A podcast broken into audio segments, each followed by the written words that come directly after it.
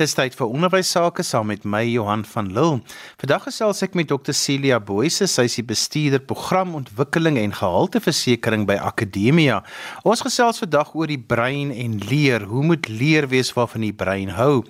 Celia, ek wil sommer dadelik wegspring. Kom ons gesels oor die kognitief-affektiewe koneksie. Wat is dit en hoe werk dit in die klaskamer? Goeiemiddag Johan. As mens gaan kyk na die kompleksiteit in die werking van die brein wat ons natuurlik eh, nog steeds verstom laat, ehm um, want geen twee persone se breine is eenders gestruktureer nie. Elke persoon se eie lewenservaring het byvoorbeeld 'n effek op sy brein en chemiese verbindings beïnvloed ook die werkswyse van die brein. En as mens verder gaan kyk na die abstrakte fasette soos emosies en geheue, siege en oorerwing en omgewingsfaktore, is dit alles elemente wat die ons onsaglike kompleksiteit van die brein en sy ingewikkelde elektrochemiese aktiwiteite wat daar plaasvind eintlik dan beïnvloed. Maar as ons kyk na daardie soos wat jy gesê het die kognitief-affektiewe koneksie, dan uh, vorm dit eintlik deel van die ehm um, belangrikste breinontwikkeling wat in die vroeë kinderjare plaasvind en dit beïnvloed ook daai neurale weë wat gedurende hierdie tyd vorm. Dit is waarna ons verwys die met met ehm um, wat leer so 'n groot invloed um, kan hê. Dit is die kognitiewe vermoëns en ook die emosionele ontwikkeling van hierdie kind. Maar ehm um, as ons daarna gaan kyk, wat bedoel ons eintlik met daai kognitiewe affektiewe koneksie? En dit is dit is die koneksie tussen kognisie, soos byvoorbeeld die geheue, in intelligensie en kreatiwiteit en dan die affektiewe domein of die affektasie, soos wat dit ook genoem word en dit is emosionele toestande. Ons het hoeveel keer al gesien dat 'n kind wat affektief oorspoel is, dat hy nie behoorlik kan ehm um, dink, dat hy nie 'n opinie kan lig, kan daar nie 'n argumentering kan uitkom nie.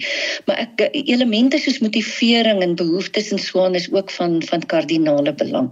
Nou ons weet van die ontwikkelingspsigoloog eh uh, psigoloë wat ehm um, hierin baie baie werk gedoen het soos Piaget en Vygotsky en Howard Gardner en die uh, persone wat gedragspatrone van jong kinders bestudeer het om juist te gaan kyk wat is hierdie kognitief-affektiewe koneksie en hoe beïnvloed dit dan nou leer in die algemeen. Uh, dit dit het ook te doen byvoorbeeld um, wat hulle gaan kyk het na gedragspatrone ten opsigte van vaardighede, emosionele stabiliteit wat daar moontlik kan wees en dan natuurlik al hierdie dinge het 'n effek op die siege van die mens tot in sy volwassenheid.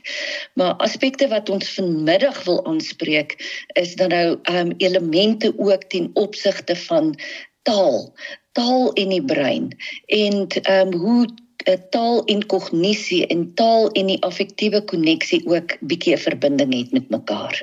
So kom ons praat oor die belangrikheid van taal en leer en wat taalbegrip en vermoë gesetel is in die brein byvoorbeeld waar dit gebeur. Vertel vir ons wat ons daarvan moet weet. As ons gaan kyk na taal, is is taal natuurlik van kardinale belang in leer, want jy leer deur taal, jy leer met taal, jy leer vir taal. En al daardie elemente is belangrik dat ons daarom kan weet, maar waar lê dit eintlik dan nou binne die brein? En vind vanmiddag wil ek veral twee elemente net uitlig. En dit is die die frontale lob dis hierdie voorste gedeelte van 'n mens se brein wat verantwoordelik is vir funksies soos soos geheue en emosies en impulsbeheer probleemoplossing ehm um, oordeel beplanning taalelemente en uh, sosiale interaksie. En sosiale interaksie is van die ander kardinale belang ook vir ons taal en die narratief, ehm um, die narratiewe element in die brein op sigself. Nou waar dit lê is dit lê in twee areas. Ehm um, ons praat van die broke area, dit lê in die linker frontale lob. En dit het te doen met taalproduksie, taalverwerking asof uh, as ook taalabstraksie. En die ander lê in die Wernicke se gebied of die Wernicke area en dit lê in die linker temporale lob en dit het weer te doen met taalbegrip en taalassosiasie. So beide van daardie um, gee vir jou 'n aanduiding dat ons hier te doen het met um, met twee areas van die brein wat vir ons ontsettend belangrik is. Um, dat stimulasie moet plaasvind sodat daar uh, daardie areas goed in werking is ook um, tydens leer en ons keuse van onderrigstrategieë. Nou, as ek net ietsie daarby kan sit en ons sê goed, kom ons beweeg 'n um, bietjie meer vorentoe in die in die um, brein en ons gaan na die prefrontale korteks toe. Dit lê in die frontale lob, maar heel voorste gedeelte waar dit betrokke is by die um, beplanning van komplekse kognitiewe gedrag en dan veral redenasie en taalbegrip. En nou kom ons nader aan daardie element om te sê maar hoekom is taal so ontsettend belangrik in die stimulering van taal um, om redenasie, argumentering, uitdrukking, besluitneming en en dies meer sy um, te bewerkstellig. So kom ons kyk bietjie na daardie prefrontale korteks in ehm um, van naby. Eh, vroeger het ek genoem ehm um, Vygotsky en Vygotsky se werk ook ten opsigte van taal. Hy het baie baie werk gedoen ehm um, rondom taal en taal as 'n sosiale konstruk en leer as 'n sosiale konstruk. So taal vind nie in isolasie plaas nie. Taal is vir ons ehm um, die element waarin ons en waardeur ons leer. Celia, dit wat jy nou gesê het, hoe impakteer dit die klaskamer en wat moet onderwysers met hierdie kennis maak? Ek dink vir die klaskamer moet ons besef dat ehm um, as ons gaan kyk na hierdie prefrontale korteks, is daar ander elemente wat waarin ons moet aandag gee. En dit is die uitvoerende funksies wat binne die um, prefrontale korteks lê. En daai uitvoerende funksies kan ons sê dit is ons sambreelterm. Dis die sambreelterm vir al die neurologies gebaseerde vaardighede wat denke en emosionele beheer behels. En al twee daai aspekte is van kardinale belang vir die klaskamer. Want ehm um, denke op sigself emosionele beheer en ons praat altyd van klaskamer dissipline maar as die emosionele beheer elemente in in plek is dan sal ons natuurlik 'n heeltemal ander aspek rondom klaskamer beheer of klaskamer bestuur dan uitvoer. Nou As ons praat van die uitvoerende funksies, dan ehm um, raak ons elemente aan soos byvoorbeeld onthou of geheue. Ons praat van soepelheid van denke en ons praat van van selfbeheer. En dit is vir ons belangrik as ons dink byvoorbeeld aan hoe leerders probleemoplossing moet doen.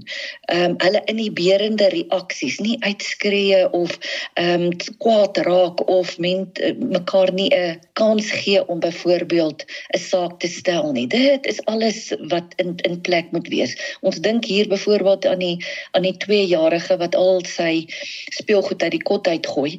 Ehm um, en dit is nie die tipe elemente wat ons dan in in leer wil inwerk nie. Dit is juis hierdie in die in die berende funksies wat ons self wil aanspreek ook binne die klaskamer opsig. Nou, hoe hanteer ons dit dan nou en wat moet ons dan nou doen um, om daardie probleemoplossingselemente instrumente en so voort in in plek te stel. Dan moet ons eers gaan dink oor hoe ontwikkel uitvoerende funksionering. Nou, ehm um, ons word nie daarmee uh, ons word met die met die moontlikheid en uh, gebore om dit te ontwikkel, maar dit is nie totaal en al ontwikkel as um, in klein tyd nie. Dit gebeur geleidelik gaandeweg teen verskillende pas vir verskillende mense. En ons moet dit nie um, in gelykstel byvoorbeeld aan groeiversnellings nie. Is nie daai dramatiese wyse eie aan groeiversnellings nie. En een ding wat waaraan ons moet aandag gee is as ons dink aan uitvoerende funksies, baie keer kyk ons na gedrag van van kinders in 'n klaskamer en dit lyk moontlik vir ons soos luiheid of dit lyk soos kinders wat sukkel, ehm um, of daar's verset. En baie baie keer is dit juis uitvoerende funksionering wat nie behoorlik in plek is nie. Daar's baie navorsing ook deur uh, verskillende instansies en, en navorsings gedoen in hierdie geval. Maar ehm um, jy het nou genoem van wat doen ons daarmee in die klaskamer en hoe kan ons in die klaskamer daarmee werk? Nou dit is ons keuse van uh, onderrigstrategieë wat daarbey inkom en moontlik kan ons bietjie daaraan aandag gee.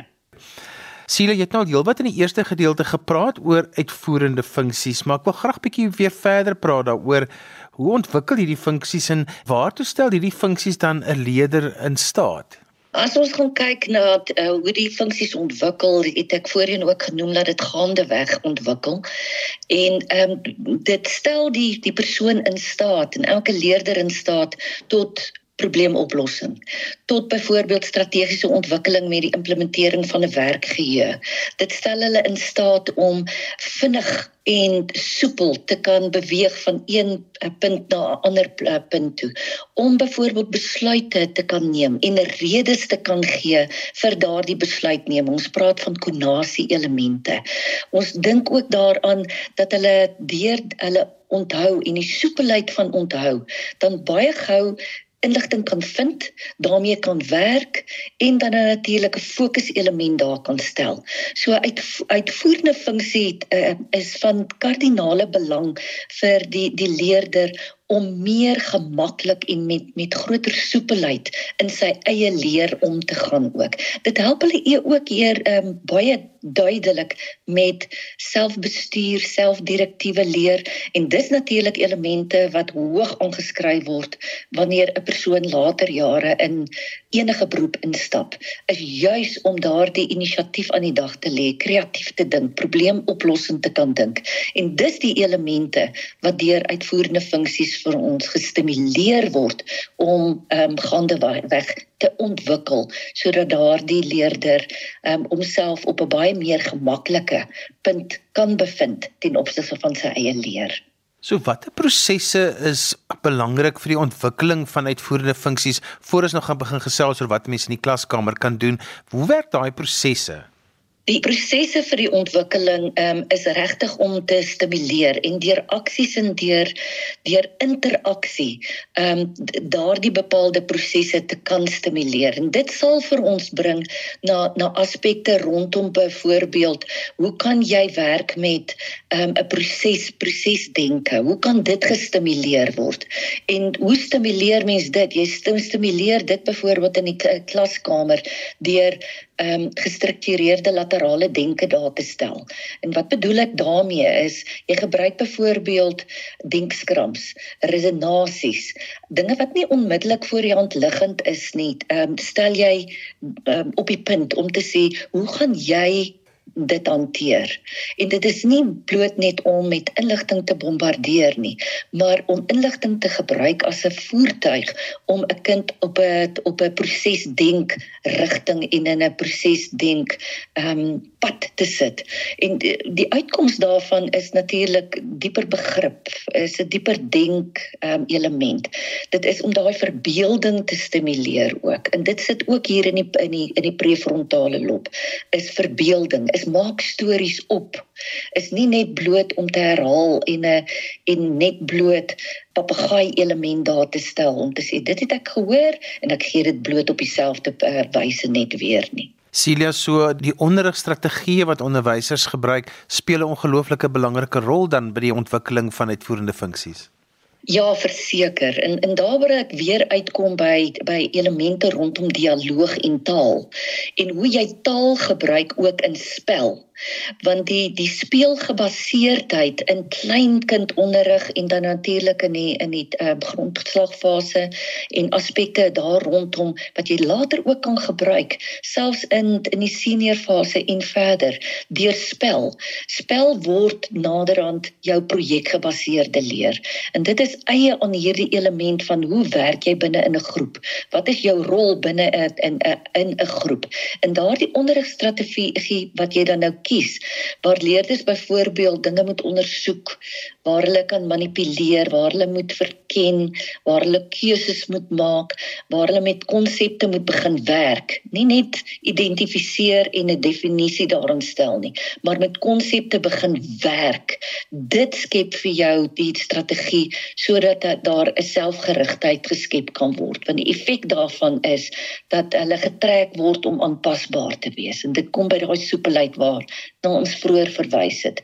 Dit trek hulle ook om hulle eie verstandelike prosesse bietjie te um, te deurspoel. En dit is waar die metakognisie ook uitkom, is om vir hulle te besef Waar is ek? Wat weet ek al reeds?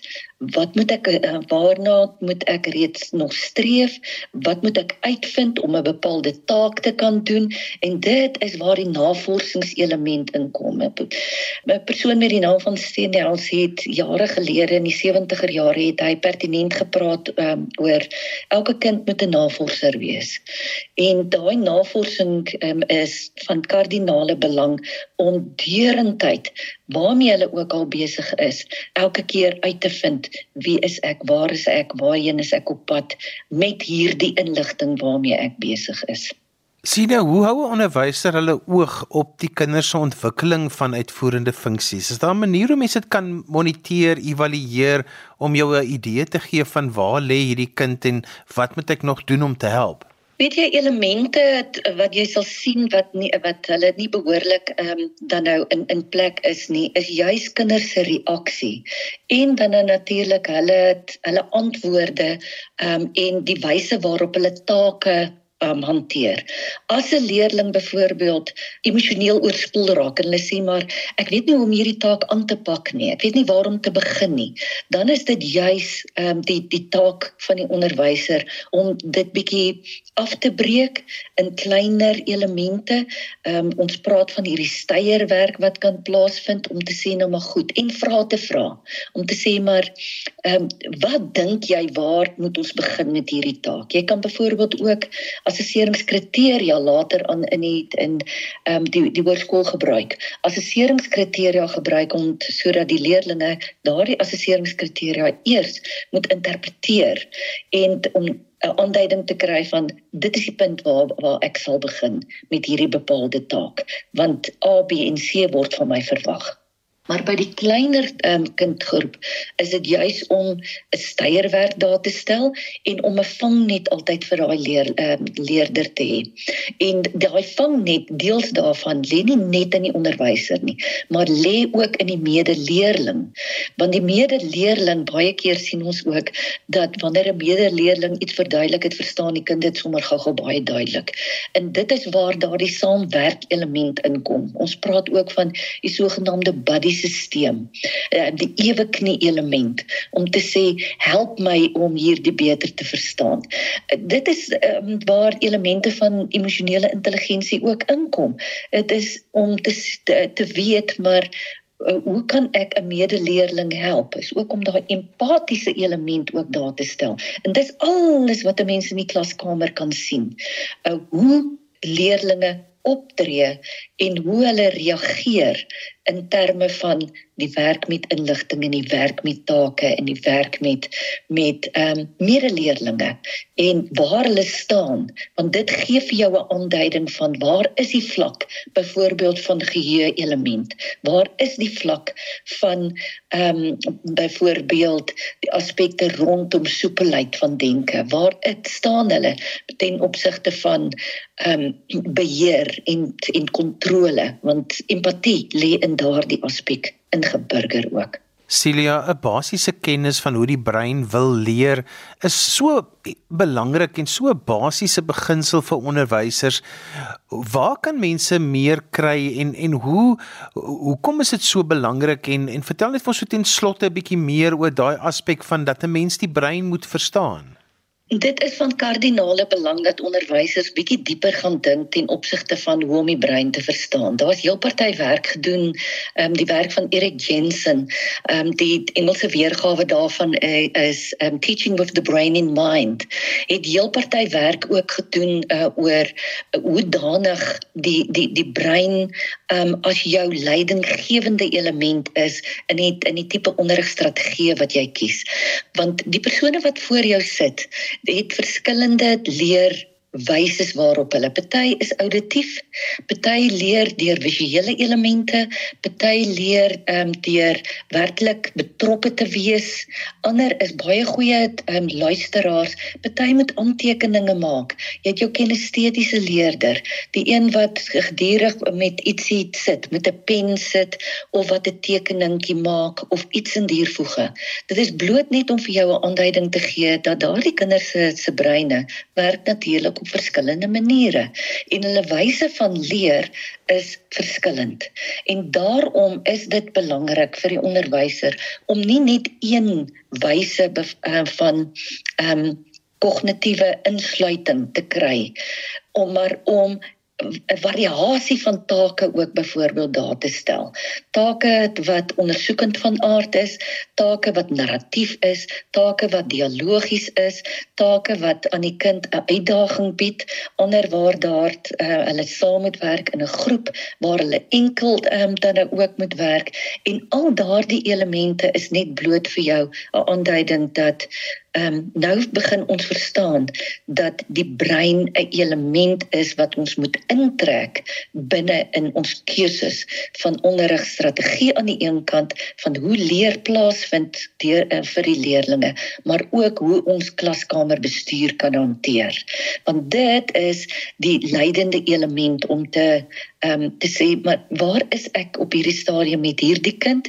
En dan natuurlik ook om te gaan kyk ehm um, hoe leerders reageer op bepaalde ehm um, aspekte van leer data-insameling en dis meer sy om te kan sien maar waar moet ek 'n uh, verandering ten opsigte van my eie beplanning doen. En dit is daai um, adaptasie element van van um, onderrig en leerbeplanning waarby elke onderwyser dan sal uitkom. Celia, ek is so bly oor die werk wat jy doen in hierdie veld want dit plaas ons so klein bietjie in lyn met lande wat baie hoog toets met hoe hulle onderwys en opleiding toepas want in baie lande is dit 'n groot fokus vir onderwysers om meer van die brein te weet. Ja, verseker as mens byvoorbeeld gaan kyk na die die werk wat in Finland ook gedoen word en hulle praat van 'n fenomenologiese element waar hulle geheelbrein ontwikkelingsaspekte in in baie prominent intrek ook in die wyse waarop hulle onderrig en leer hanteer. Um om nie in silo's um, byvoorbeeld te werk nie, maar om kruisintegrasie um, oor kurrikule in velde te doen en daai fenomenologiese element daar te stel. En om te sê byvoorbeeld hoe werk ek met met water in al die kurrikula. Ehm um, die chemiese samestelling as ons byvoorbeeld besig is met met ehm um, natuurwetenskaplike element vir die leerders om 'n gediggie te skryf oor water, om ander insamelings te doen in le lewenswetenskappe en dit te doen en dit is juis waar ehm um, waar onderwysers ook baie kan gaan uitvind meer oor ehm um, hoe danig lande soos byvoorbeeld byvoorbeeld Singapore, ehm um, die die Finne en dan natuurlik in die skandinawiese lande het daarmee te werk gaan.